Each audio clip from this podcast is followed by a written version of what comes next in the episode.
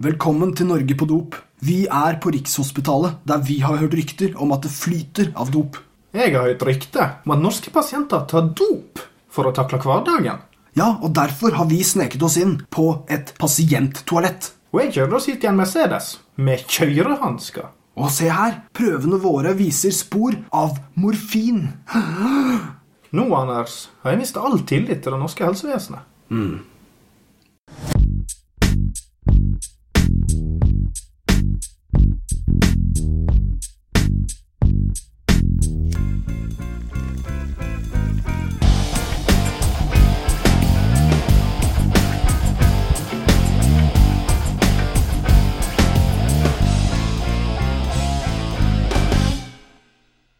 Yes, yes, skibbidi-bap-bap-boo! Da var vi tilbake til en ny fet episode av Podcast om rus.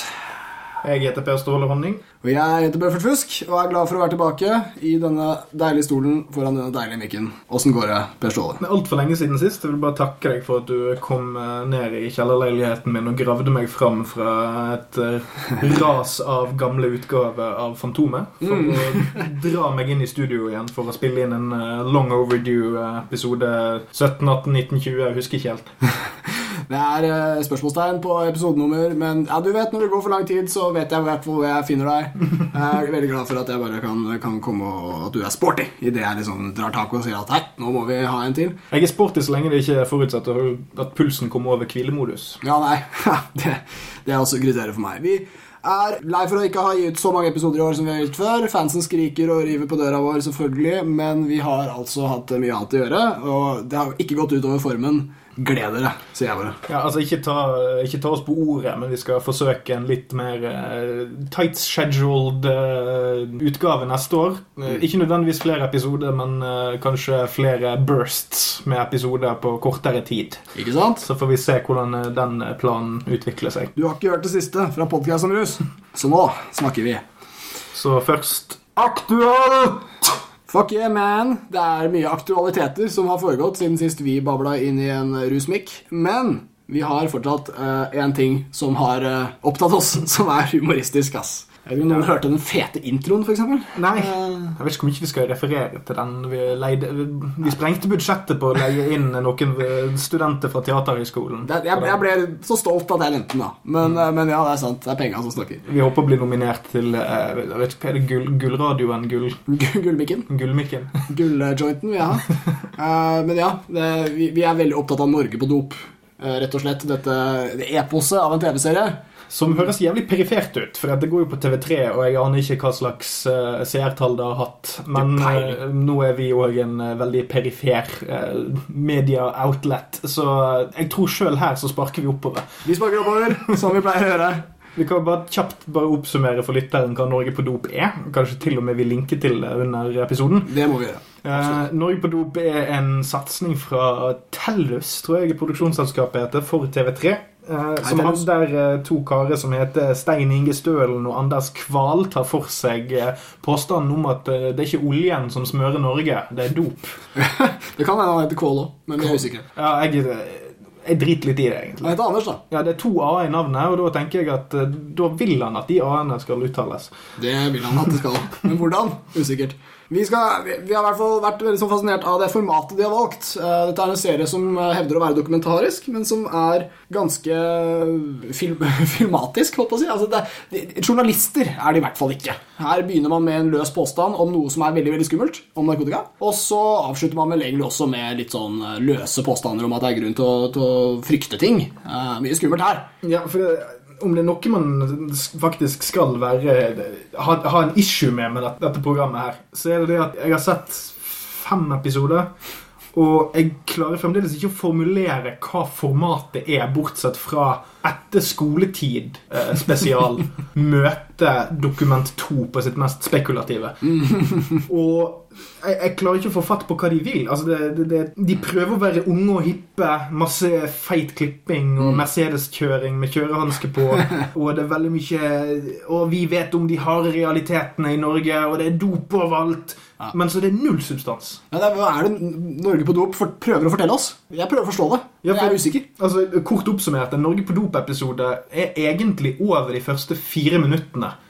Fordi vanlig, vanlig setup er at uh, Anders Kvål og Stein Inge Stølen sitter i det som ser ut som et lagerskur. Det ser litt ut som en sånn ungdomsklubb. Det er en sånn eh, skinnsofa eller et eller annet dritt. som Det er rusfritt arrangement. Ja, og så har de, har, de en, har de en sånn korktavle der de har hengt opp masse sånn eh, sånne, Hvem er Kaiser Søse? Det er den typen korkplakat de har. Det er masse, masse røde tråder som henger mellom hverandre, og utklipp fra Det er hipt. Det er innafor. og, og der står de og leser, leser opp manus. Ordrett.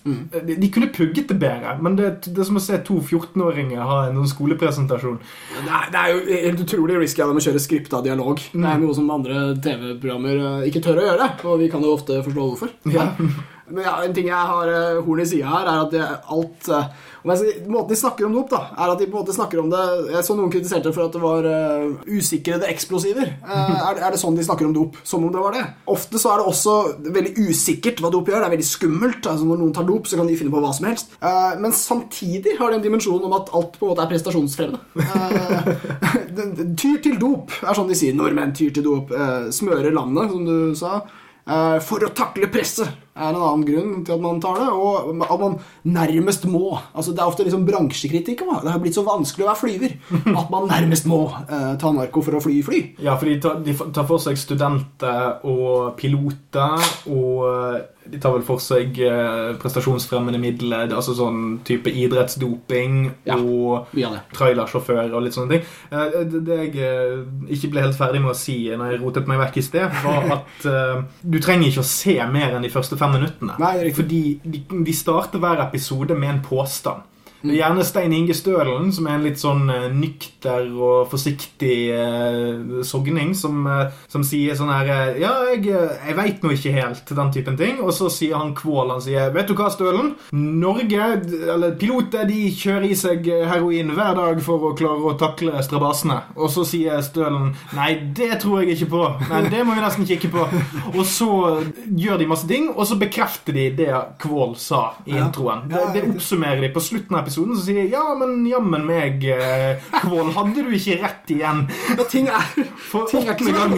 For det er skummelt. Ja, så, så det jeg etterlyser med substans De leiter ikke etter noe. De leiter, det er confirmation bias, the movie, the TV series. Det er ikke, det, de, de er ikke ute etter ny informasjon. De starter med fire-fem påstander som de bare leiter etter bekreftelse på. Ja. Det, er ikke, det er ikke en søken etter informasjon, sånn sett. Nei, sant, altså. Og det, og det er veldig sammenfallende konklusjoner. Eller igjen, som du påpeker, at det, det begynner jo med hva som blir sagt først, som ofte er veldig løst. 'Jeg har hørt'.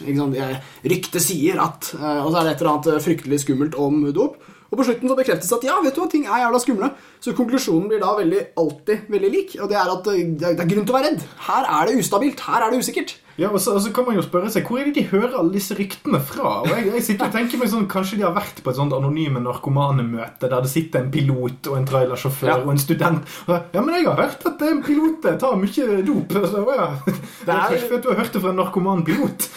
Kildegrunnlaget virker akkurat så jævla lemfeldig. Og det, dette er en tid hvor altså, I en vitenskapelig tid, da, folk prøver liksom å snakke om rusmidler på en vitenskapelig måte, differensiere og gjøre smarte ting, så er de veldig uinteresserte i det. Yeah. De er veldig uinteressert i forskning og sånt, og de er veldig opptatt av den der frykten, at det er grunn til å være redd. Og jeg må si at det er veldig tabloid, fordi i vår samtid så fins det mye frykt. Det går an å måle dette her. Folk er liksom reddere enn før. Det er terror, det er masse som skjer. Informasjon går jævla fort. Vi blir jævlig redde av det. Så det å spille på frykt er tabloid. Dette er jævlig tabloid løsning. Du, du sikrer deg. Du prøver å safe seerne dine. Som jeg nevnte innledningsvis, er det jo kanskje den mest tabloide kanalen som viser dette. Det er jo TV3 og Viasat. sant? Og de er, Ja. de er veldig reklamebaserte og veldig Det det, det er jo nisjeprogrammet de viser som er veldig, veldig tabloide. Altså, det, det er den eh, Discovery Channel-type tilnærming til problemstillingen på. sant? Du, Ja. du er mer fokusert på at innpakningen skal være fin. og så kan du egentlig bare, altså Hvis du har en fin innpakning, så kan du bare drite i en pose og selge det. Ja, ja. Uh, Det blir sånn, ass. For, for, for, for rent teknisk er det jo en fin serie. Det er filmet fint. og det, det er sånn Teknisk sett er det, er det Du kan lett bli lurt til å tro at du blir fortalt noe med mening. Men jeg, jeg skjønner hvorfor det er så lite innhold i det. For TV3 vil ikke nødvendigvis gå god for forskning eller journalistisk arbeid. De gidder ikke å putte nok penger inn i å eh, ha en skrivestab som bruker et år på å safe seg på at alt de sier, er 100% korrekt. Så derfor lar de være å ta tak i de mer komplekse spørsmålene. Historiene som er de mest interessante. Så alt blir bare en sånn Å ja. Ja. Studenter Det finnes studenter som tar eh, dop. Ja, ikke sant? Det var veldig veldig, veldig godt poeng. Altså. Det er en, eh, en dissonans i eh, metoden de bruker også. De, de, de måler etter sporstoffer. Det er alltid, jeg vil bare si at Metodisk kritikk av dette programmet er liksom det aller enkleste av alt. Fordi som du ser, formatet er så sterkt, mens metoden er slack. Og da blir det lett å parodiere det. Blir det. Og det er det, sånn som det er i dag. Og metodisk, altså denne sporstoffjakten deres, da de Hva slags sporstoff, hva slags test er det de bruker? Vet du hva? ja, de, de bruker den eh, Den har et navn som er markedsledende, og jeg husker ikke nå, men det er i hvert fall den, den mest vitenskapelige av dem, og det betyr ganske lite. Fordi de er kjent for å være veldig lite sikre og gi kun svar på eh, om sporstoffer finnes eller ikke i en viss konsentrasjon. Og denne konsentrasjonen varierer ekstremt mye og sier veldig lite om hva de har vært brukt til. Ja, og bare for å oppdatere lytteren litt, så Et gjennomgangstema i, i Norge på dop er at Anders Kvål sniker seg inn et eller annet sted. Og så Lurer seg inn. ja, Ja, Misbruker tillit og kommer seg inn. han, han verken sniker eller lurer. Han slipper inn uten at noen stopper han, og så prøver programmet å fremstille det som om at det var en uh, fuckings eh, Fort Knox eh, incursion de drev på med. Eh, ja, Men så tester han i hvert fall dassene på stedet. Han gjør det på, han gjør det på Stortinget, og han gjør det på biblioteket på Blindern. Ja, og eh, dassen på en losbåt i Oslofjorden, og, og mange sånne ting. Ja, eh, kan du plukke opp igjen de metodiske problemene derifra. Ja, altså gjerne det. For det første så, så avslører de det litt i programmet ved å si noen ganger at vi fikk utslag. Utslag, utslag er bra. Og så andre ganger så sier de 'sterkt utslag'. Og så forteller de aldri noe om den differensieringa der. Og det, det, det spiller litt inn i at dette formatet er uferdig. Vi kommer til å finne noe uansett. Og, og sporstoffer er morsomme fordi de kan finnes i ekstremt lave konsentrasjoner, noe som tilsier at det bare har vært en fyr med en bukse som har vært i nærheten av speed, f.eks. Og så har han gått der. Mm. Så han trenger ikke ha liksom, tatt speed ut av lomma, eller noe. Han kan bare ha gått der. Det kan ha vært en uh, speedfreaker som har satt seg ned på et dasslokk. Ja, og enda verre, altså Det kan være kompisen til speedfreaker eller en som satt ved siden av ham på T-banen på vei til. Så det er ekstremt lite holdbart. ikke sant? Det er en, øh, og det er det jeg tenker de kaller utslag. Og så har du andre hvor det på en måte noen har kanskje snorta en linje en eller annen gang fra den dassen. Og det kan være lang tid siden. Eh, eller at dop har på en måte vært lagt på vasken når de skulle tømme lommen. eller et eller annet. Men, men det sier egentlig ingenting om det de hinter om. da. Og det de hinter om er at her er det masse dopbruk. Her er det mange mennesker som bruker dop. Det brukes dop ofte. Eh, det er en slags kultur om dop her. Det sier disse testene ingen verdens fucking ting om Uh, i det hele tatt. Jeg har òg et par innvendinger som fra et uh, mindre faglig nivå. Bare så, så, så, som en oppegående samfunnsborger-nivå. Punkt én. uh, vi vet ikke hvor mange ganger de har kjørt den testen uten å finne noe. De, altså, for det første så er ikke denne, denne testen her ville ikke vært admissible in court. på et eller annet slags vis. Vi har ikke brukt dette i en rettssak mot Universitetet i Oslo eller vi vet, altså, De kan ha gått 100 steder, og så har de, har de tatt med De har lagd åtte programmer, eller noe sånt, og så er det det de har tatt med. Ja. Vi, vi, vi blir aldri informert som seer I de episodene jeg har sett, de fem første ish, så sier de ikke hvor mange at de har prøvd og så ikke fått utslag. Og det andre er, bare for å ta et eksempel, fordi de finner spor av De har en episode som handler hovedsakelig om studenter. Ja. At, at studenter tar dop for å komme seg gjennom studiehverdagen, for å smøre studiehverdagen med dop. Eh, og da går de på biblioteket i, på blinde, og der finner de spor av amfetamin på dassen der. Biblioteket på Blindern er jævlig svært.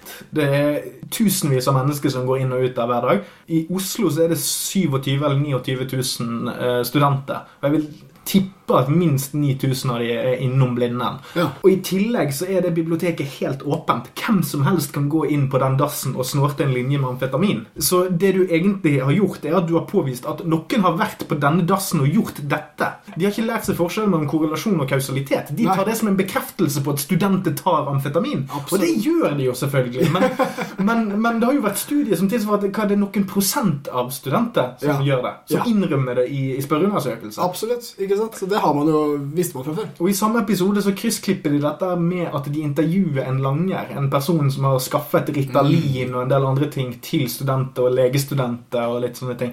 Og eh, det merkelige med det er at ja, det er Ritalin, det er reseptbelagt. Ja. Det er en helt annen story. Du snorte ikke Ritalin. Du, du blander det er apples and oranges all Ja. over the place. Ja, ja. Det er nesten ingen som snorter Ritalin, så vidt jeg skjønt. De svelger piller. Ja, det, det er ikke vits i å snorte det. Du får det jo i deg, og så fungerer det bedre. Jeg vet ikke hva det Ja.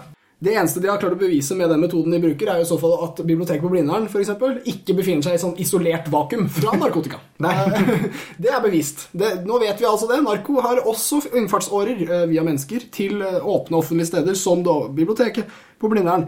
Eh, Min store anklage mot det her er at eh, det de hinter om i dette programmet, er at det fins visse trender. Altså de prøver på en eller annen måte, de sier det kanskje ikke, men de prøver å avdekke visse trender, og så prøver de å hinte om at i visse grupper i befolkningen er det mer narkobruk enn andre. Sånn som piloter eller studenter eller sånne ting. Eller lose. Eller loser. Men dette er ting som sosialforskere i utgangspunktet er veldig veldig interessert i uansett, og som de jobber veldig hardt for å lage empiri på. Og den empirien som finnes, kan godt kalles svak, men eh, tilsier at det er ikke veldig store forskjeller i dette her. Det er noen mønstre. De går på klasse, de går på geografi, men de går ikke nødvendigvis på yrkesgrupper.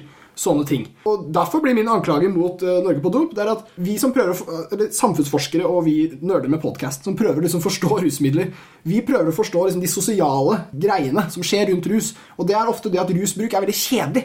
Altså At folk blir for stuck i det, de glemmer at de ikke burde ta det, og så tar de det, og så er det ikke så gøy. Det er mye med rusmidler som ikke er romantisk, som ikke er attraktivt og spennende. Men ikke på dette showet her, ass. Her er faen meg rusmidler alltid spennende. Det er alltid skummelt.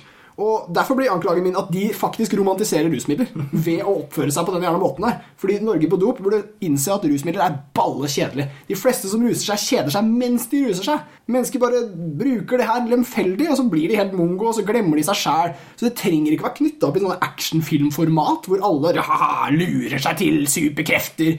Nei, nei, det er en gjeng med tapere som tar kjedelige greier. Kan ikke vi ha med det, da? Og igjen da, det der med at de driver og hauser det veldig opp og gjør det spennende, det er jo òg noe de gjør rent teknisk. Ja. Som f.eks. når han er på denne losbåten, eller hva faen det var for noe. Der var han Kvål inne, og han sa at han, han hadde lurt seg inn under dekke av at de laget et annet program. og så sto han og snakket med en fyr som ikke visste at han var der og representerte Norge på dop, og så sneik han seg av gårde og testet en dass. Og så kom han tilbake igjen til losen mens de var på vei inn Oslofjorden.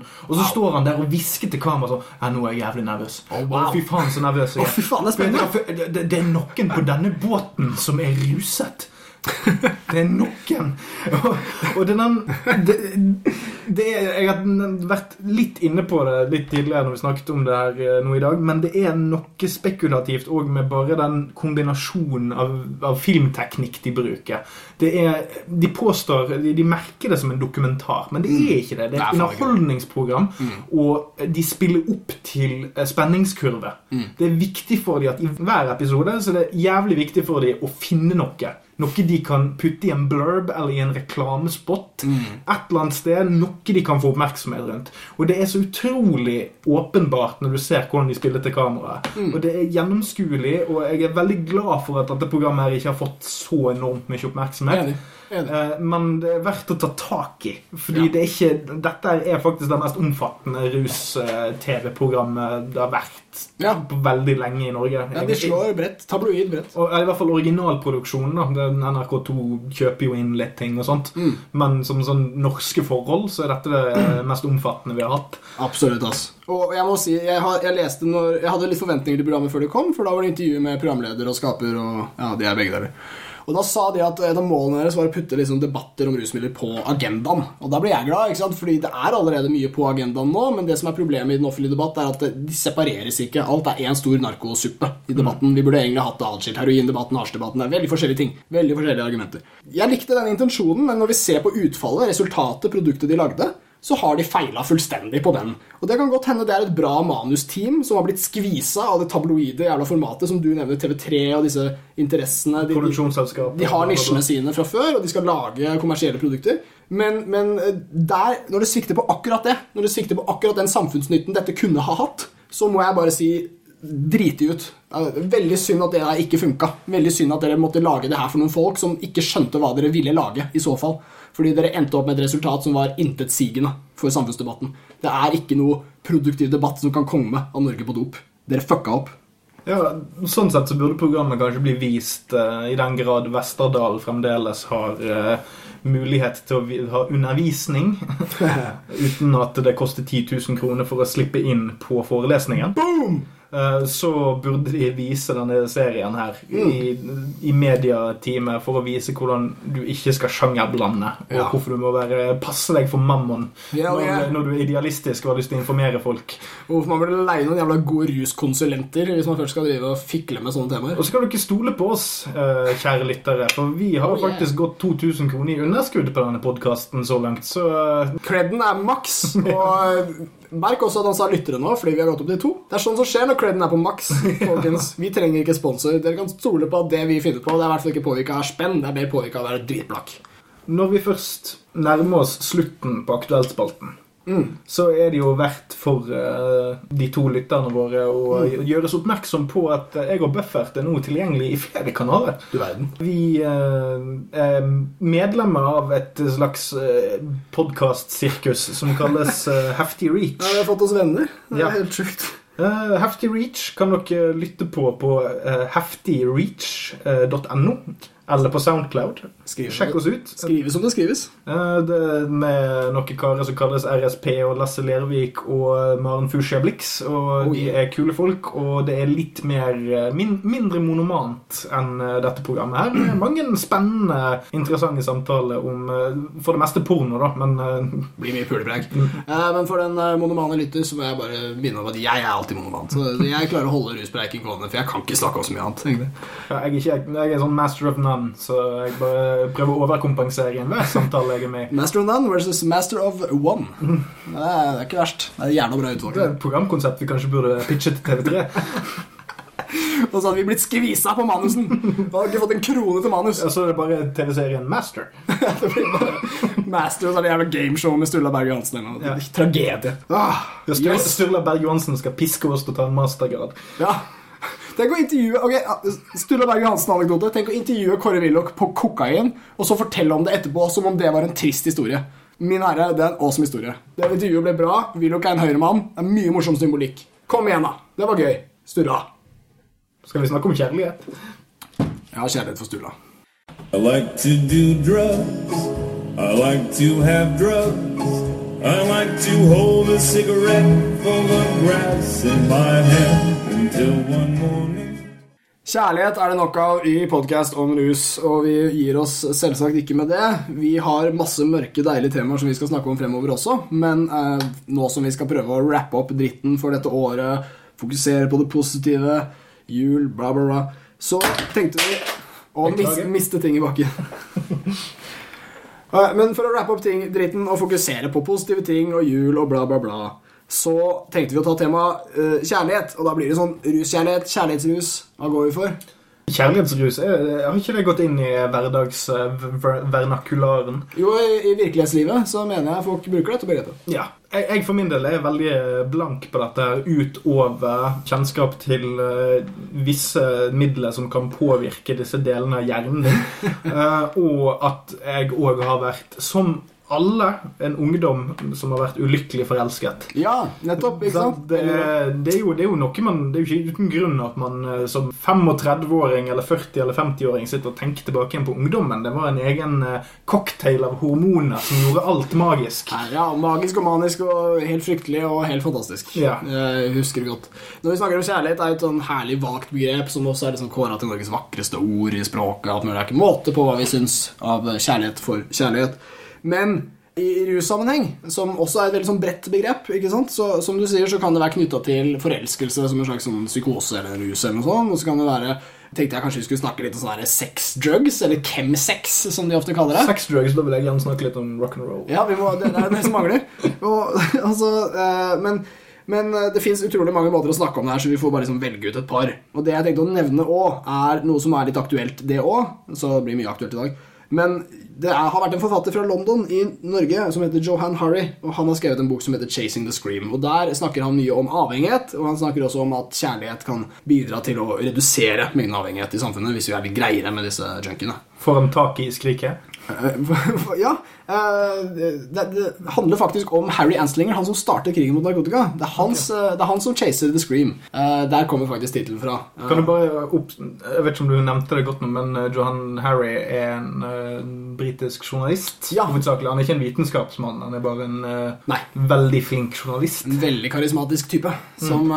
reiser rundt i verden og henger med forskjellige folk. Og så har han skrevet for eh, mener det er The Guardian og litt eh, ymse aviser lenge. Og gitt ut én bok som heter eh, ja, det er i hvert fall noe God Save the Queen, eller noe ganske kritisk mot kongehuset. Så han er jo glad i å riste litt i bordet, da, denne Harry. Men uh, i, i denne forstand så har han kommet opp med noe som er ganske spennende. Fordi det han skri skriver, er at uh, disse disiplinære tiltakene mot uh, narkomane det støter dem ytterligere ut fra samfunnet. Og denne utstøtingen eh, forverrer avhengigheten deres. Så du kan si det poetisk og si at vi har sunget krigssanger til de narkomane, og vi burde sunget kjærlighetssanger. Og... Ja, altså Bare for å dra opp et begrep fra forbudt å si på eh, luften-kassen vår, så er det vel kanskje stigmatisering som er problemet Ja, med visst. narkomane. Ja visst, farsken er det det. Og dette baserer seg mye på et eksperiment som ble gjort eh, på 60-tallet, som eh, ble brukt for å vise at narkotika gjør deg veldig avhengig, og det var da et eksperiment med rotter hvor en rotte hadde tilgang på en vannflaske med kokain eller heroin. Spiller ikke så mye rolle hva du putter inn. Ja, det er At du får rottedose med kokain eh, på mm, drops, da, sånn som Ja. en hamster får i eh, bur. Ikke sant? Og det, når du da gir den valget mellom vann og vann med kokain, så tar den vann med kokain og, og utvikler problemer, eh, eller dør av det. Og det, det skal man rett og slett vise at kokain er fryktelig. Ja, Og orker ikke å gå ut for å skaffe ost. Ikke sant? Men det er da det er på 70-tallet en, eh, en fyr som Harry er opptatt av, som gjør, lager dette eksperimentet som heter Rat Park. Fordi han ser at denne rotta er jo helt aleine i buret. Det er jo ikke naturlig for en rotte å ha det sånn. Så Rat Park er jo da et eksperiment hvor rottene får mulighet til å ha sex, til å leke sammen, til å De har masse rekreasjonelle tiltak eh, og sosiale tiltak innad i buret. Og har fortsatt tilgang på vann med drugs og. Sosiale rottetiltak er fantastisk. Sosiale rottetiltak. Det viktigste i samfunnet. Og da, da velger de rent vann mer. Altså de, de fokuserer på det rene vannet. Og jeg trekker gjerne frem at de lar ikke narkovannet stå helt. Eh, De bruker det bitte lite grann. Og hvor mye bruker de det? Det skulle jeg gjerne hatt litt mer forskning på. Hva er den gylne balansen? Ta, ta, ta rotten og et par dråper før han skal prøve seg på den eh, fine Ikke rottedamen Er, det- er det chemsex i Ja. Rat Park? må, må, må rottemannen bare mm, rottemanne seg litt opp før, Ja. han, før han tør å tråkke over sosiale skillelinjer? For en alvorlig feiltolkning av Rat Park er fra avholdsfolk som sier at ja, se på Rat Park, og bare gir dem sex og mat, så har de ikke lyst på dop i hele tatt. Det er sånn, nei, nei, det er ikke rusfritt samfunn inni der. Altså. Der er det faen meg puling og litt grann drugs, akkurat nok. Hva enn det betyr. Eh, så Johan Harris poeng er rett og slett dette at vi eh, har eh, Ved å stille veldig strenge krav til narkomane, du må bli rusfri innen sånn og sånn dato, så har vi forverret tilstanden deres. Og Dette er en veldig smart teori som selvsagt undergraver litt de genetiske og da biologiske årsakene til avhengighet, men som fremhever at de sosiale årsakene er veldig viktige. Og dette er en måte for venstrepolitiske tenketanker til å endelig ta tak i rus. Fordi det har de vært jævlig dårlige til. Fordi Hvorfor skal vi bry seg? Hvorfor skal det kollektivet ta tak i eh, svikerne, eller hva de har blitt sett som? Jo, nei, det er rett og fordi at det å se dem som svikere gjør dem til mer svikere. Ja, for det, det høyreorienterte svaret er som regel sånn pistol mot tinningen i overført ja. betydning. For tradisjonell høyretilnærming er kort og godt at du skal skjerpe deg, du skal, du skal klare deg sjøl. Hvis ikke, så kan du bare go fuck yourself. Ja. Eh, I ekstrem variant, men eh, det er det, det, det som er den store skillelinjen mellom høyre og venstre. Det er hvorvidt du er et individ eller en del av et kollektiv først. da. Ja, Hvilken er den viktigste av de vi skal veie tyngst? Og, og de individualistiske argumentene er jo passe bra med liberalisme og sånn, og de har jo vært i vinden, ikke sant? Men de venstrepolitiske tenketakene har slitt med det. Men, ja, men, men det er sært, da. For at eh, de venstreorienterte er jo tradisjonelt orientert mot fellesskapets beste. Altså Ja, kollektivet. At, at, at, fordi du trenger ikke være kommunist for å være venstreorientert. Du må tilnærme deg fellesskapet som et, et gode som bringer oss alle videre, fremfor et overfokus på individualisme. Ja. Fordi hvis du gir for mye makt til individene, så er det mer skadelig for en hel haug med andre individer. Ja. Så for individet sjøl er det ofte bra å være i en flokk så lenge du ikke, Mm. så lenge du ikke kues av flokken for mye. Ja, Så der har du en, har du en sånn Hvor mye kuing kan du ha før det blir eh, et overgrep? Flott, flott poeng. Det er akkurat der skoen trykker. Og man kan jo kanskje kritisere venstresiden for å ikke ha sett dette her før. Fordi altså, man, man burde ikke ha skjøvet individer heller ut i kulda. eh, det er jo ikke bra for fellesskapet. Og jeg, Litt sånn samme anklage som jeg vil ha til KrF. Altså Når KrF er de siste som vil slippe til rusbruk for behandling, f.eks., så er det sånn Nå er dere ubarmhjertige. Det er jo ikke det de kristne skal være. Det er jo på en måte, Her har dere bare glemt noen, eh, og det, det passer veldig dårlig med mandatet deres. Ja, det samme kan jeg si til venstrepolitikerne. at sånn, Det å skyve junkiene ut som slags eh, uønskede individer koster jo flokken masse. Det, det burde du skjønt før. Hvis du trekker tilbake til sånn eh, Einar Gerhardsen-nivå, litt interessant. Mina. Mina, tante Mina. Tante Mina. Halla. Hei, tante Mina. Lenge siden sist. Eh, Mye parfyme, ikke det? Men ja, Eh, det var men, Einar. Ja. Tradisjonelt, altså etter, etter andre verdenskrig for eksempel, så hadde vi en veldig sterk venstreside i dette landet. her, Og da var det 'Hadde ikke tid, skulle bygge landet'. Ja, den, den, den klassikeren der. Eh, og i den slags type Man hadde et mye mindre komplekst samfunnsliv på den tiden. Du hadde en samfunnselite som besto av høyre-venstre-aksen, som det alltid gjør. Ja. Eh, Men så det, det var færre involvert i eliten. Du, hadde, du hadde politikere og, og embetsmenn og akademikere, og så hadde du alle andre. Det vi har i dag, er et mye mer egalitært samfunn, delvis pga. Eh, venstrestaten eller arbeiderpartistaten som vokste frem. Men, men under Gerhardsen-perioden og årene etter det, så er det òg et, et, et enormt fokus på at å ja, nei, men vi kan, vi kan ikke ta hensyn til alt og alle, fordi at ok, vi har disse tingene er viktige, og de må vi få igjennom uansett. Ja. Og hvem er det som blir skjøvet til siden? Dette er ikke et Gerhardsen-problem, da, men, men sånn utover 60-70-tallet, når narkomani begynner å bli et, et tydelig problem, så blir de marginaliserte fordi at man For det første så forstår man ikke hvorfor folk er narkomane. Man har ikke en forståelse av det. Eh, og for det andre så er det at eh, de, i den grad man forstår det, så skjønner man at det er en korrumperende ting. Det at folk blir narkomane, det går imot samfunnsprosjektet. Mm. Så derfor kan kollektivet si at dere burde fengsles, dere burde ikke skytes og drepes, men altså man, kan, man kan tillate seg veldig mye Mm. til fellesskapets beste. Og dette har overlappet veldig mye med Høyre. Ja. Eh, med, med, med Villa og, og den liberaliseringen vi har sett de siste 30 årene. Der man får mye mer høyreinnflytelse på politikken i Norge, men der er igjen de narkomane en slags andre. Mm, De, de passer ikke inn i måten høyresiden ser individet på. Stemmer. For du, du, du evner ikke å ta vare på deg sjøl. Nei, du er ikke et godt individ hvis du er narkoman. Ja. For du har ikke klart å være sterk. Du har ikke klart å ta vare på deg sjøl. Du har Ah. ikke klart å være en gründer som, som, som bidrar. Kjempebra poeng som, som underbygger den tverrpolitiske enigheten om at dette utelukkende er et problem og ikke et gode. Er, jeg skjønner veldig godt at det er vanskelig å se et gode, og man er jo veldig redd å, med, med rusbruk. Og jeg, jeg skjønner at man er redd for å si til barna rusbruk også topp. Hei. Men, men man trenger ikke å si at rusbruk er bra, selv om det er litt det man sier om alkohol. da. Drit i det. Eh, det, det, som er, det som er viktig her, er at det man kan se er at narkomane, eller tunge, da, de mest problematiske, når de bruker rus, så er det ikke kun negative ting som skjer. Det er ikke bare lidelse for dem. Det er mestring, det er medisinering. Altså det det fins et par elementer som kan tas tak i for å hjelpe dem. Ikke sant? Og, og her var det på en måte kjærlighet som var kulen, der krig var uh, løsninga før. Og vi har holdt på med det i 50 år. Det er ikke så lenge. altså Vi, vi kan tilgi oss sjæl hvis vi tar tak i det her nå. Og, og bare vise folk at liksom, det er ikke så hastverk. liksom Hvis du er skikkelig keen på å bli kvitt heroin, så, så kan du få tid. Ikke sant? Så kan du få mulighet til det. Det er det viktigste vi kan si. Og da må vi slutte å straffe absolutt alle heroinister. Da kan vi ikke arrestere dem utenfor sprøyterommet lenger. Vi må slutte med det. Ja, for altså, i, i moderne kontekst, altså 2015-2016-kontekst, så hvis vi skal bruke kjærlighet på dette, eller medmenneskelighet som en videreføring av kjærlighet, ja, så hvis du tenker tilbake som politiker eller som eh, engasjert samfunnsborger, så tenker man at ja, vi har gjort alle disse tingene her mot narkomane så og så lenge. Vi har, vi har behandlet de sånn og sånn og sånn. Og så har du et valg. Du har et valg å si at ja, men det var feil.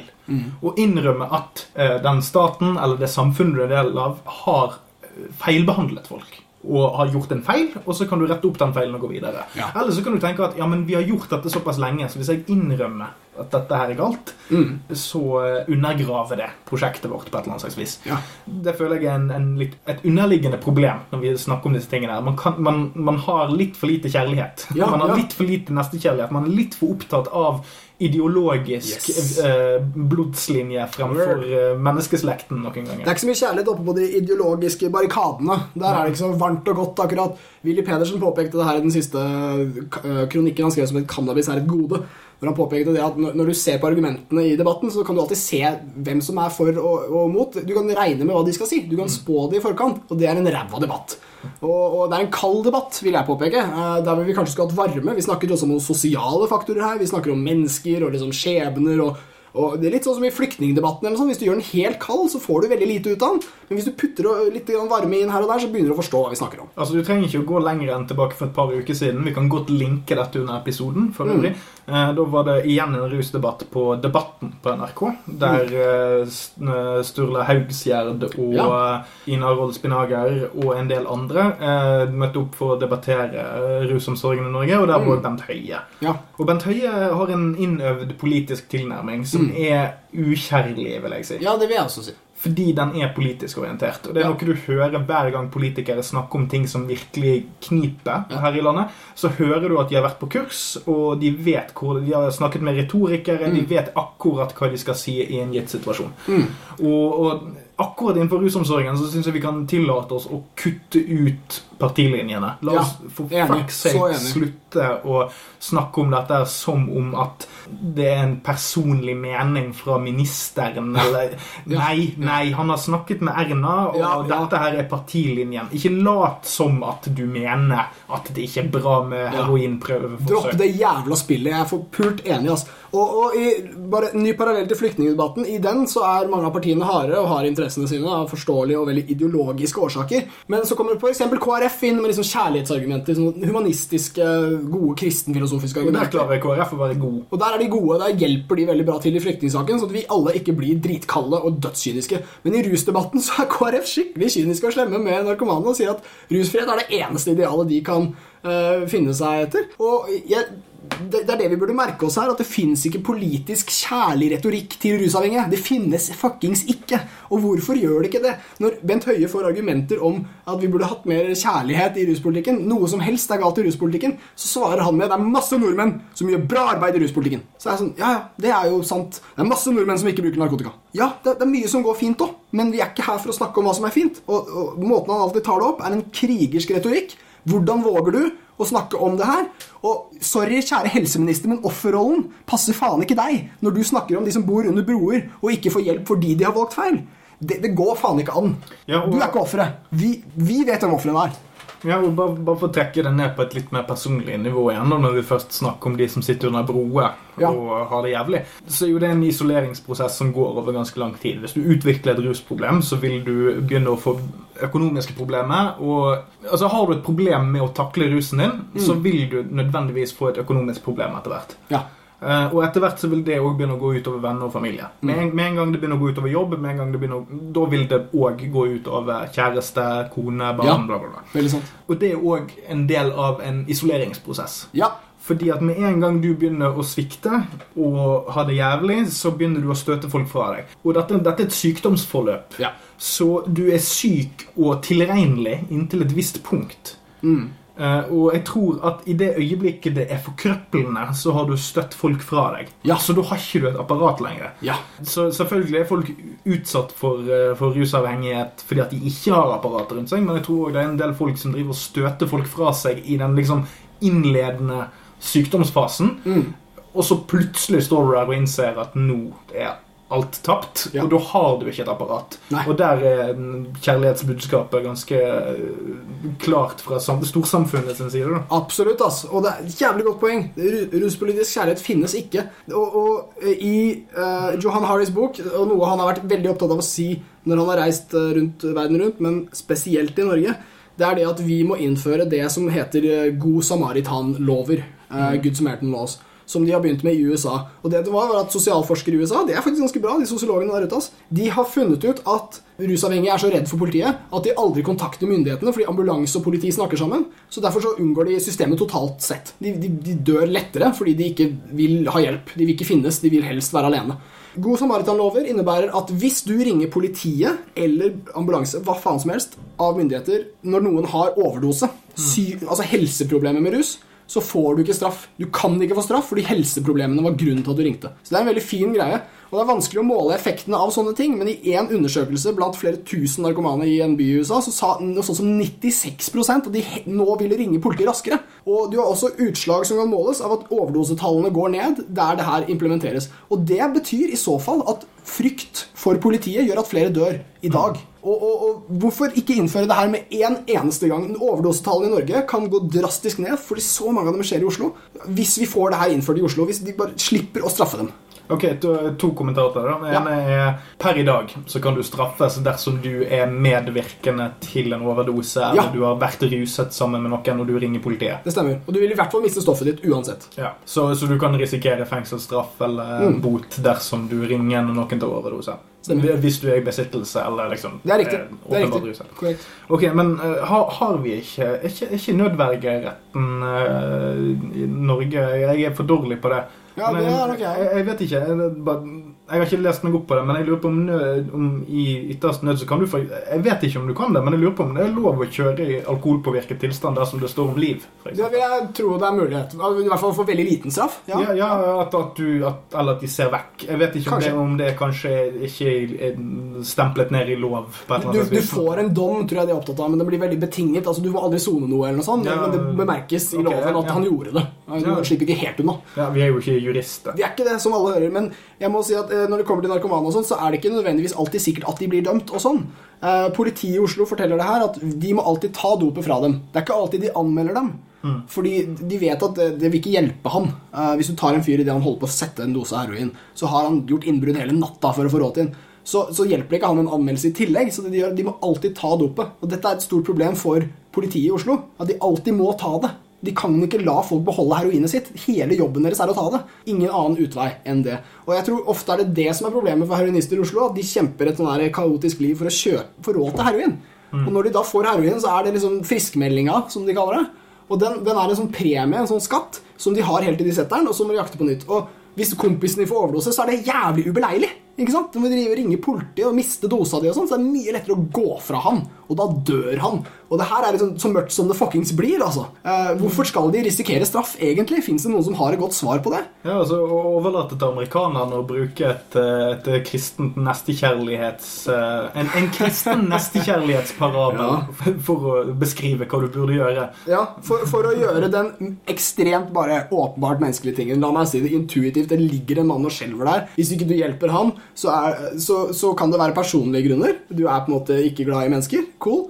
Men hvis, hvis årsaken til at du ikke hjelper han, er systemets grunner, du er redd for systemet, så må vi endre systemet. Det er liksom Hvis ikke død er bra, da. Hvis ikke dødstallet burde være høye, så burde vi da endre systemet. Der er det jo en payoff. Altså, I den grad man, vi, vi snakker om eh, kjærlighetsrus, eller hva vi skal snakke om i dette, akkurat denne episoden, her, så er det jo tradisjonelt sett at hvis, du, hvis jeg går rundt på gaten, og så finner jeg en forslått fyr, så ringer jeg politiet og ambulanse. Fordi det gir meg en payoff. Ja. Emosjonelt. Ja, ja. Fordi nå har jeg utvist nestekjærlighet, men det er jo egoistisk. sant? Du gjør ingenting uten at du får en viss fysiologisk eller mental nytelse av det. Hvis du, Hvis du gikk forbi han, skulle du fått litt straff òg. ja, ja, så, altså, Du jeg, dårlig. Det, det hadde jeg eh, levd med resten av livet. mest Ja. Hvis jeg ikke er psykopat. da. Men der ligger det jo noe. sant? Altså, den, den tanken om at han er mitt ansvar, Ja. eller jeg er nødt Mm. til å hjelpe han, så, så føler jeg meg bedre.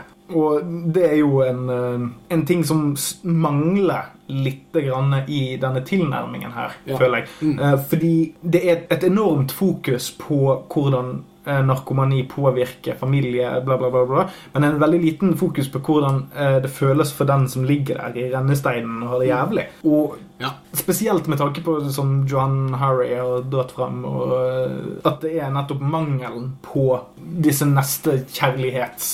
Failsafene, kanskje du skal si det. Ja, altså At ja. man har, har noen vannskott mellom deg sjøl og fortapelse Ja, ja. som redder deg. da. Ja, det er sant. Eh, hvis noen blir utsatt for vold, så kan det også hende man er redd for å ringe Mm. eh, eller ta tak og spørre går det bra, og sånn, fordi man er redd for vold selv. Eller, men man er i hvert fall ikke redd for å bli tatt for vold Mm. hvis du ringer eh, og hjelper en fyr. Ikke sant? Men, men nar narkomane med greier i lomma Det er som å ha et sånn der, jeg er voldsforbrytersertifikat i lomma. Det er narkoposen. På en måte, Du vil bli tatt for å ha en sammenheng med hendelsen som du ringte for. Og Det, det er helt utilgivelig at det skal straffes. Det vil iallfall bare sosialt bidra til at narkomane er de andre. De er ikke som oss. Uh, vår vurdering av om vi burde ringe om hjelp, vil avhenge av masse faktorer. Dessverre, om vi ser oss selv i vedkommende, er det samme type menneske som oss, da assosierer vi, da ringer vi. Narkomane aldri. Narkomane er ikke en av oss. De er bare de andre. De derre svikerne, de dustene. Og, og, og at, de sånn, at den mest sårbare gruppen er i en sånn bås, er jo om det kanskje er det som gjør dem sårbare eller ikke, men det gjør dem i hvert fall mer sårbare. De, de dør lettere. Og hvorfor det ikke faller folk inn det at plantet plant et frø og få større avling, tankegangen her. Måten vi behandler narkomane på, forplanter seg i de narkomane miljøene. Ja. Altså, I den grad at, at eh, politiet og helsevesenet behandler personer sånn og sånn og sånn, Mm. det er ting som fungerer som en bølge innover i de narkomane miljøene. Mm.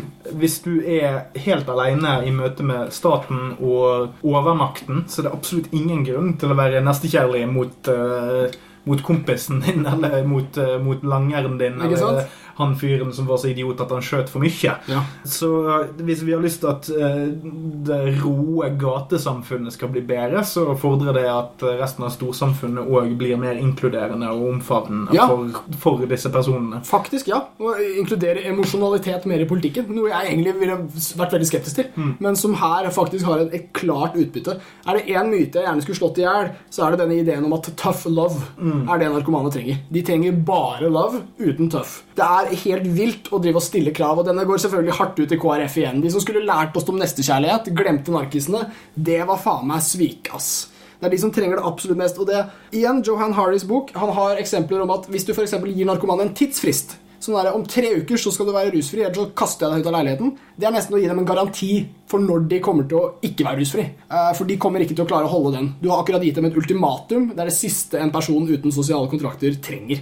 Han kommer til å da forsterke sin kontrakt med heroinet, fordi det er det eneste han har, da, hvis det er det han på, på en måte bruker.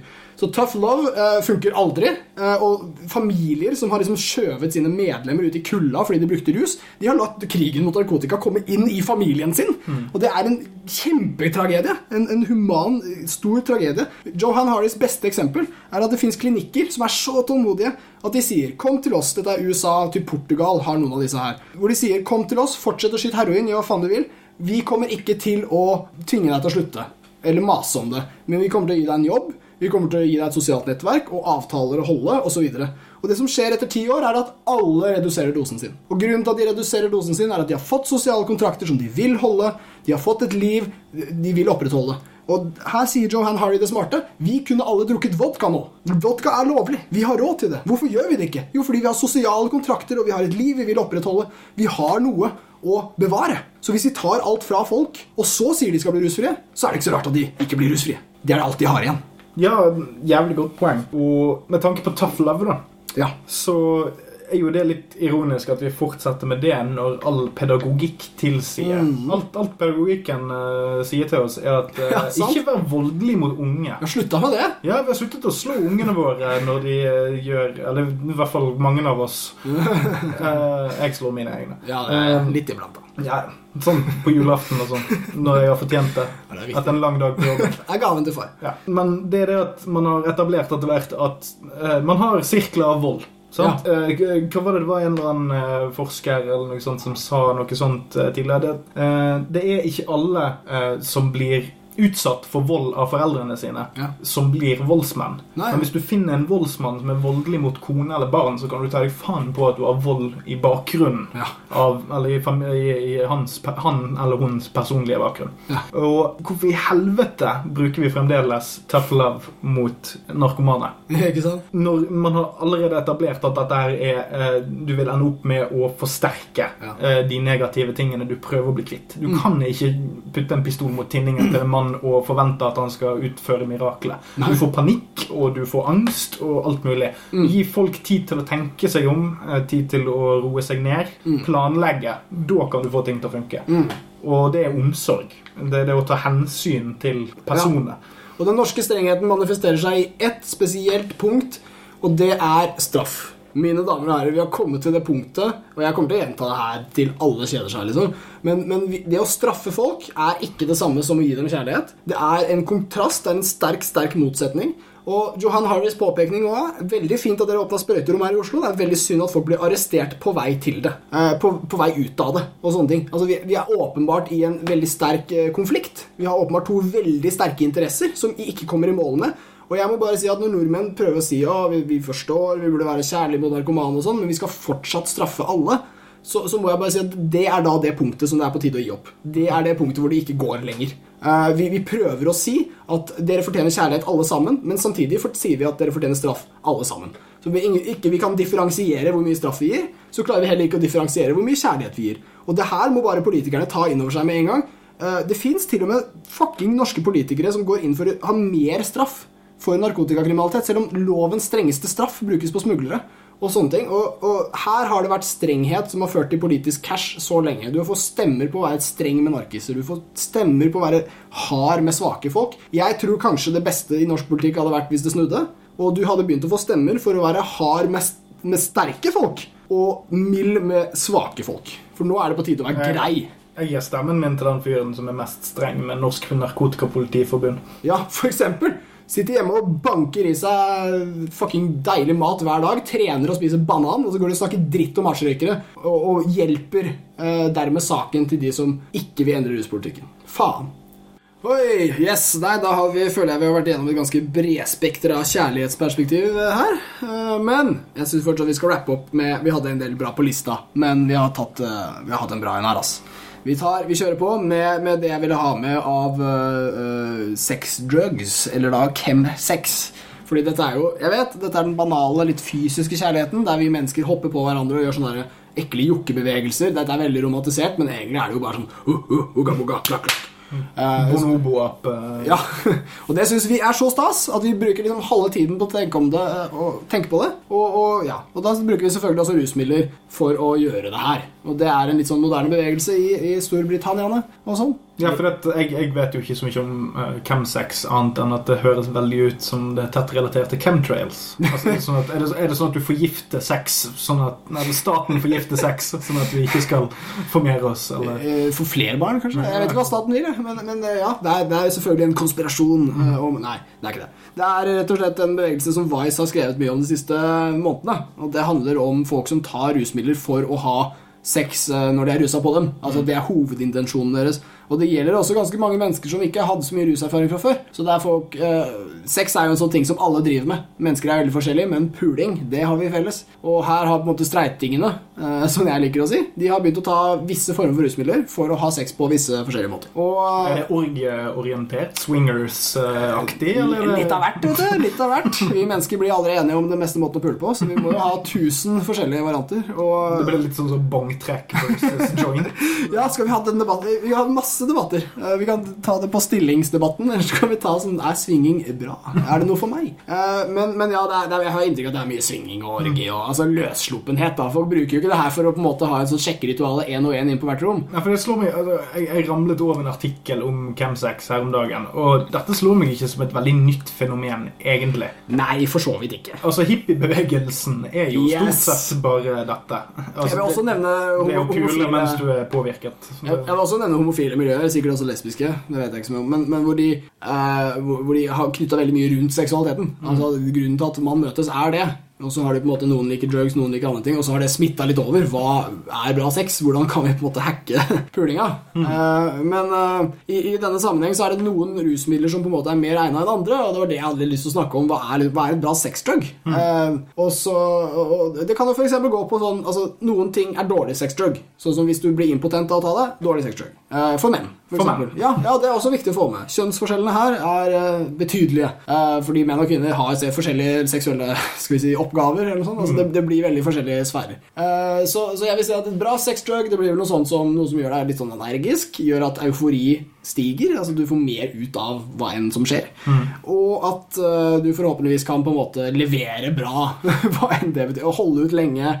Ha det digg med det, væ- være blid når du gjør det. Noe sånt. De, de, de må med. Så en speedball av, eh, av amfetamin og Viagra for menn, og så eh, MDMA for kvinner. Possibly. Hadde, hadde den komboen fungert?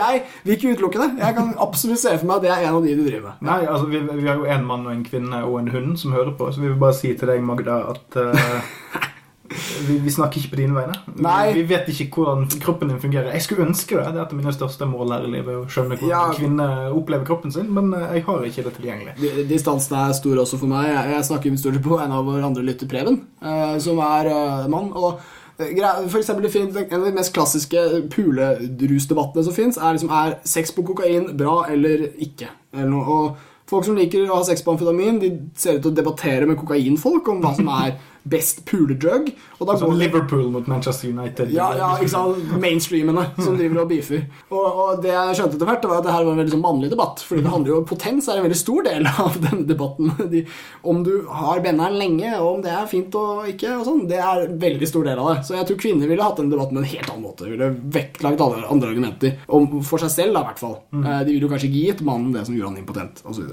Vi har tatt en tur innom sprøyterommet og spurt uh, litt damer om hva som er, Ja.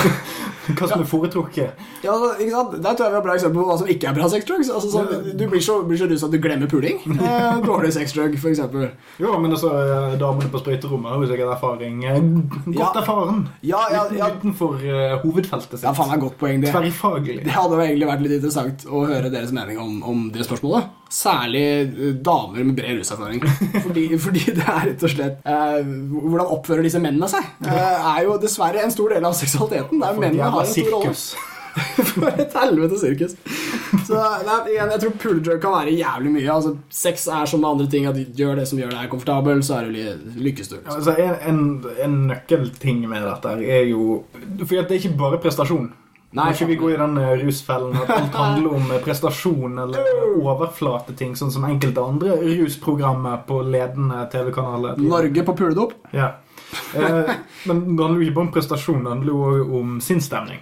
Yes, sir. Og der vil jeg tippe at f.eks. psykedelika ville vært ganske rapey. Uh, ja, ja, ikke sant? Både og. Kommer an på. Yeah. For noen er det helt utenkelig. ikke sant? Og så har du også disse hippiene som liksom brukte den derre Jeg skal ikke si medgjørligheten, den der inkluderende alle er på syregreia. Og så blei det jo masse orgier, og folk oppførte seg Ja, det er jo forskjell mellom sopp og frimodig. syre. Ja, ja, men jeg vil si at jeg tror det er noen folk som virkelig aldri kunne tenkt seg å ha sex på psykedelika, og, og noen som nesten blir kåte av å ta det. Og jeg tror det har å gjøre med assosiasjonen knytta til det. Men det var nok mer et sexdrug på 70-tallet enn det noensinne har vært etterpå. Eh, folk tar ikke syre for å sitte hjemme og knulle. Nei, for Har jeg inntrykk av. Ja, for det, det kan jo både være det at altså, man har eh, seksuelt orienterte mennesker som eh, bruker ulike stoffer for å få mer ut av det de har lyst på. Ja, akkurat. så, så akkurat. hvis folk er veldig puleorienterte, så tar de stoffet for å gjøre den fysiske biten bedre. Yes. Men så fins det, det jo kanskje mennesker som er mer emosjonelt avstumpet, eller kanskje ikke har Ja. tilgang på så mange uh, ulike uh, Ah. følelser i utgangspunktet som kanskje kan fikse på ting. Der tror jeg du har hovedformelen Altså. Det er et jævlig godt poeng. Og det får meg til å tenke igjen på at liksom, kalde nordmenn liker MDMA. Ikke sant? Altså, at, at det er noe med, med hvem vi er i utgangspunktet, som tilsier hva vi får ut av, av det vi tar. Og, og jeg tror også rusbruk på mange måter gir indikasjoner på hva som skjer i hodet på de som tar det. Eh, og at vi kanskje kunne hentet en del informasjon ut derfra.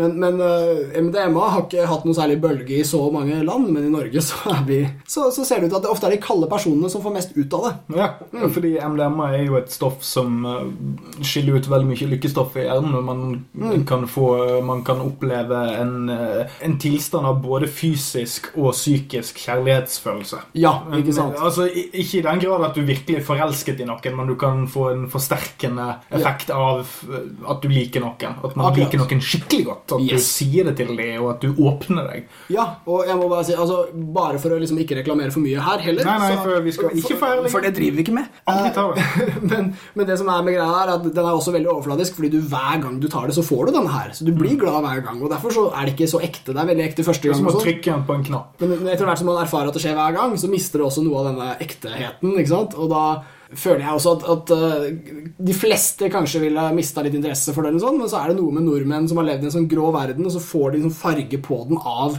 f.eks. MDMA. Så blir de glad i det på en annen måte uh, enn en man kanskje ville blitt i en annen kultur. Så du må passe deg litt for sånn Chasing the Dragon. Uh, Ja, ja, man blir ikke Dette er ikke et så avhengighetsskapende stoff. Uh, må med. Nei, nei, men uh, Chasing the Dragon Det er jo et begrep man bruker om heroinbrukere spesielt. Ja. Det er at du har en jævlig høy peak første gangen du tar det, og så hver gang etterpå er at du prøver å Hver gang du tar det senere, er for å prøve å oppnå den Ja. følelsen igjen. Ja. Uh, Men det kan tas litt universelt med rusmidlene. Det varierer litt, men det er alltid en grad av det. Altså, en, en, en, jomfru vil jo alltid huske første gangen. Ja. Og, og, og om det ikke er første gangen, så vil du alltid huske den beste gangen. Ja. Og, og, drømme om den. Ja, for akkurat angående dette med f.eks. MDMA eh, og det å åpne seg, da. At, at, at kalde mennesker, eller mennesker som ikke, ikke er spesielt Ikke deler så mye av seg sjøl sosialt, Ja. vil kanskje oppleve en, et åpningsøyeblikk når Mm. dersom du forsøker dette. Mm. Uh, George Carlin, en Ja. amerikansk komiker som døde i 2008, om jeg ikke husker helt feil, han hadde et, eh, et godt perspektiv på rusbruk generelt, ja, som jeg syns er litt, eh, litt treffende for dette. For I et intervju en gang så snakket han om rusforbruket sitt. og Jeg tror han, han drev spesielt med hasj og kokain. Var, tror jeg var hans greie, Og alkohol. En veldig sånn fin kombo. Eh, men det sa han han, han var, når han ble intervjuet, så holdt han vel på å tørrlegge seg, tror jeg. Og da sa han om hasj så var det det at han, han måtte bare si at det var positivt for han, men på et, han hadde en, en amerikansk fotballgrafen. da, At man har et øyeblikk i en, i en ende av skalaen der Ja. ok, nå er det positivt, nå er det positivt, og så når du liksom den store, tjukke midten. Nå er det bare positivt, og alt etter det så blir det mindre og mindre og mindre positivt. Ja. Eh, og for han så hadde han den opplevelsen med hasj. Jeg vet ingenting om hans mentale tilstand. Men det han sa, det han kunne si, var at han, mente at eh, det var noe som hjalp han med å åpne sinnet sitt når han prøvde det. ja. Seinere følte han at det ble et problem, men han angret ikke på at han hadde vært inne på det. For det Kult. hjalp han med å se ting fra et annet perspektiv. ja. Eh, og det mistenker jeg at eh, MDMA kan være for f.eks. Eh, emosjonelt avstumpede mennesker, eller mennesker som har problemer med å åpne seg for andre, eller er redd for sosiale situasjoner. Veldig godt poeng. Asman. Jeg, jeg, om jeg bare kan skyte inn, så tror jeg dette kan være det mest positive du kan få ut av rusbruk sånn i det hele tatt. Altså, mens du er på det, så kan du ha det gøy, og alt det der, men det er ikke noe som blir hengende så mye med ved deg senere. Men hvis det fins én gjennomgående positiv effekt av å la oss si, leke med rusmidler og, og utforske ting hjernen sin med det, det er at du i hvert fall får perspektiv. Det er ikke sikkert at du opplever så jævlig mye flott underveis, men etterpå så sitter du i hvert fall igjen med at du har Litt sånn som å reise i forskjellige land da, og ha dårlige erfaringer. Jeg dro til Roma, jeg hadde et helvete. Jeg dro til Sør-Amerika, alle var slemme. Men når du kommer hjem, så har du fortsatt litt perspektiv, og det var kanskje greit at du dro likevel. Og, og noe sånt kan man si er positivt med dette. Det, det blir det enkleste eller nærmeste du kommer en positiv effekt av å drive og fikle med disse greiene. Eh, perspektiv kan du i hvert fall få. Eh, det betyr ikke at du hadde det gøy med å få det, men perspektiv, det blir det. Ja, Så ikke dermed sagt at man burde, Nei, eller man langt ifra. skulle. Men eh, For perspektivet er mye annet òg. ja, for det, det er ikke bra å kjøre i 180 km i timen, men det fins jo de som gjør det og får noe ut av det. Ja, og så kan du få perspektiv av hva faen som helst. da, ikke sant? Det er ikke noe påbud å fikle med den dritten her. ikke sant? Og risikoen er at fikler du for mye med dem, så går du for lite på fjelltur. ikke sant? Og så burde du ha litt av begge. Ja. Ja. Ikke, ikke gjør dette hjemme. Nei. Også bra show. Ikke gjør det ute. Heller. Ikke gjør det noe sted. En podkast om rus. I så fall på fjelltur. Fra... Ja, men bare gå på et fjell før du tar narkoen din. Det sier jeg. Avrusning. Ja, kjærlighet, folkens. Vi har snakket om Nor Norge på dop, som ikke nødvendigvis eh, vi har så altfor mye kjærlighet til, men vi har fortsatt kjærlighet til menneskene bak, fordi vi selv er mennesker. Eh, Jeg må bare si at uh, Jeg er òg en karbonbasert livsform. Ikke sant? Det er masse, masse empati å få. Vi har også gjort rare ting. Jeg tror vi kanskje hadde den råeste, hardeste kritikken av det programmet, men òg med mest mulig forståelse. Ja, la meg bare det ble så skittig som det ble. Ikke sant? Vi kunne, Mammon også, dreper oss alle. vi kunne alle lagd Norge på topp, eh, med litt eh, uflaks. Men jeg må også bare si, eh, vi har vært gjennom veldig mye bra sånn kjærlighetsgreier her igjen. Og da blir det veldig mye Siden kjærlighet er så bredt, så blir det ofte liksom bred filosofi fra oss òg. Og i hvert fall nå i avrusningen. Vi mennesker er stuck i en eller annen form for tilværelse vi egentlig ikke ba om. Og det er ikke alltid vi eh, får så jævlig mye utdannelse som vi skulle ønske, og da blir rus eh, en av de liksom, enkle go to-greiene der vi kan uh, bli litt for ivrige, og så kan vi glemme hva vi egentlig dreiv med, og så kan vi liksom bli stuck. Og det er ikke alltid avhengighet, det er ofte bare det at vi kjeda oss, og så glemte vi oss sjæl. Og de folka der De trenger kjærlighet, folkens. De trenger ikke fordømmelse. Du burde ikke være så jævla sint på dem. Bare prøv å være tilgivende. Det får være min uh, parafrasering av Joanne Harry. Altså. det er grei.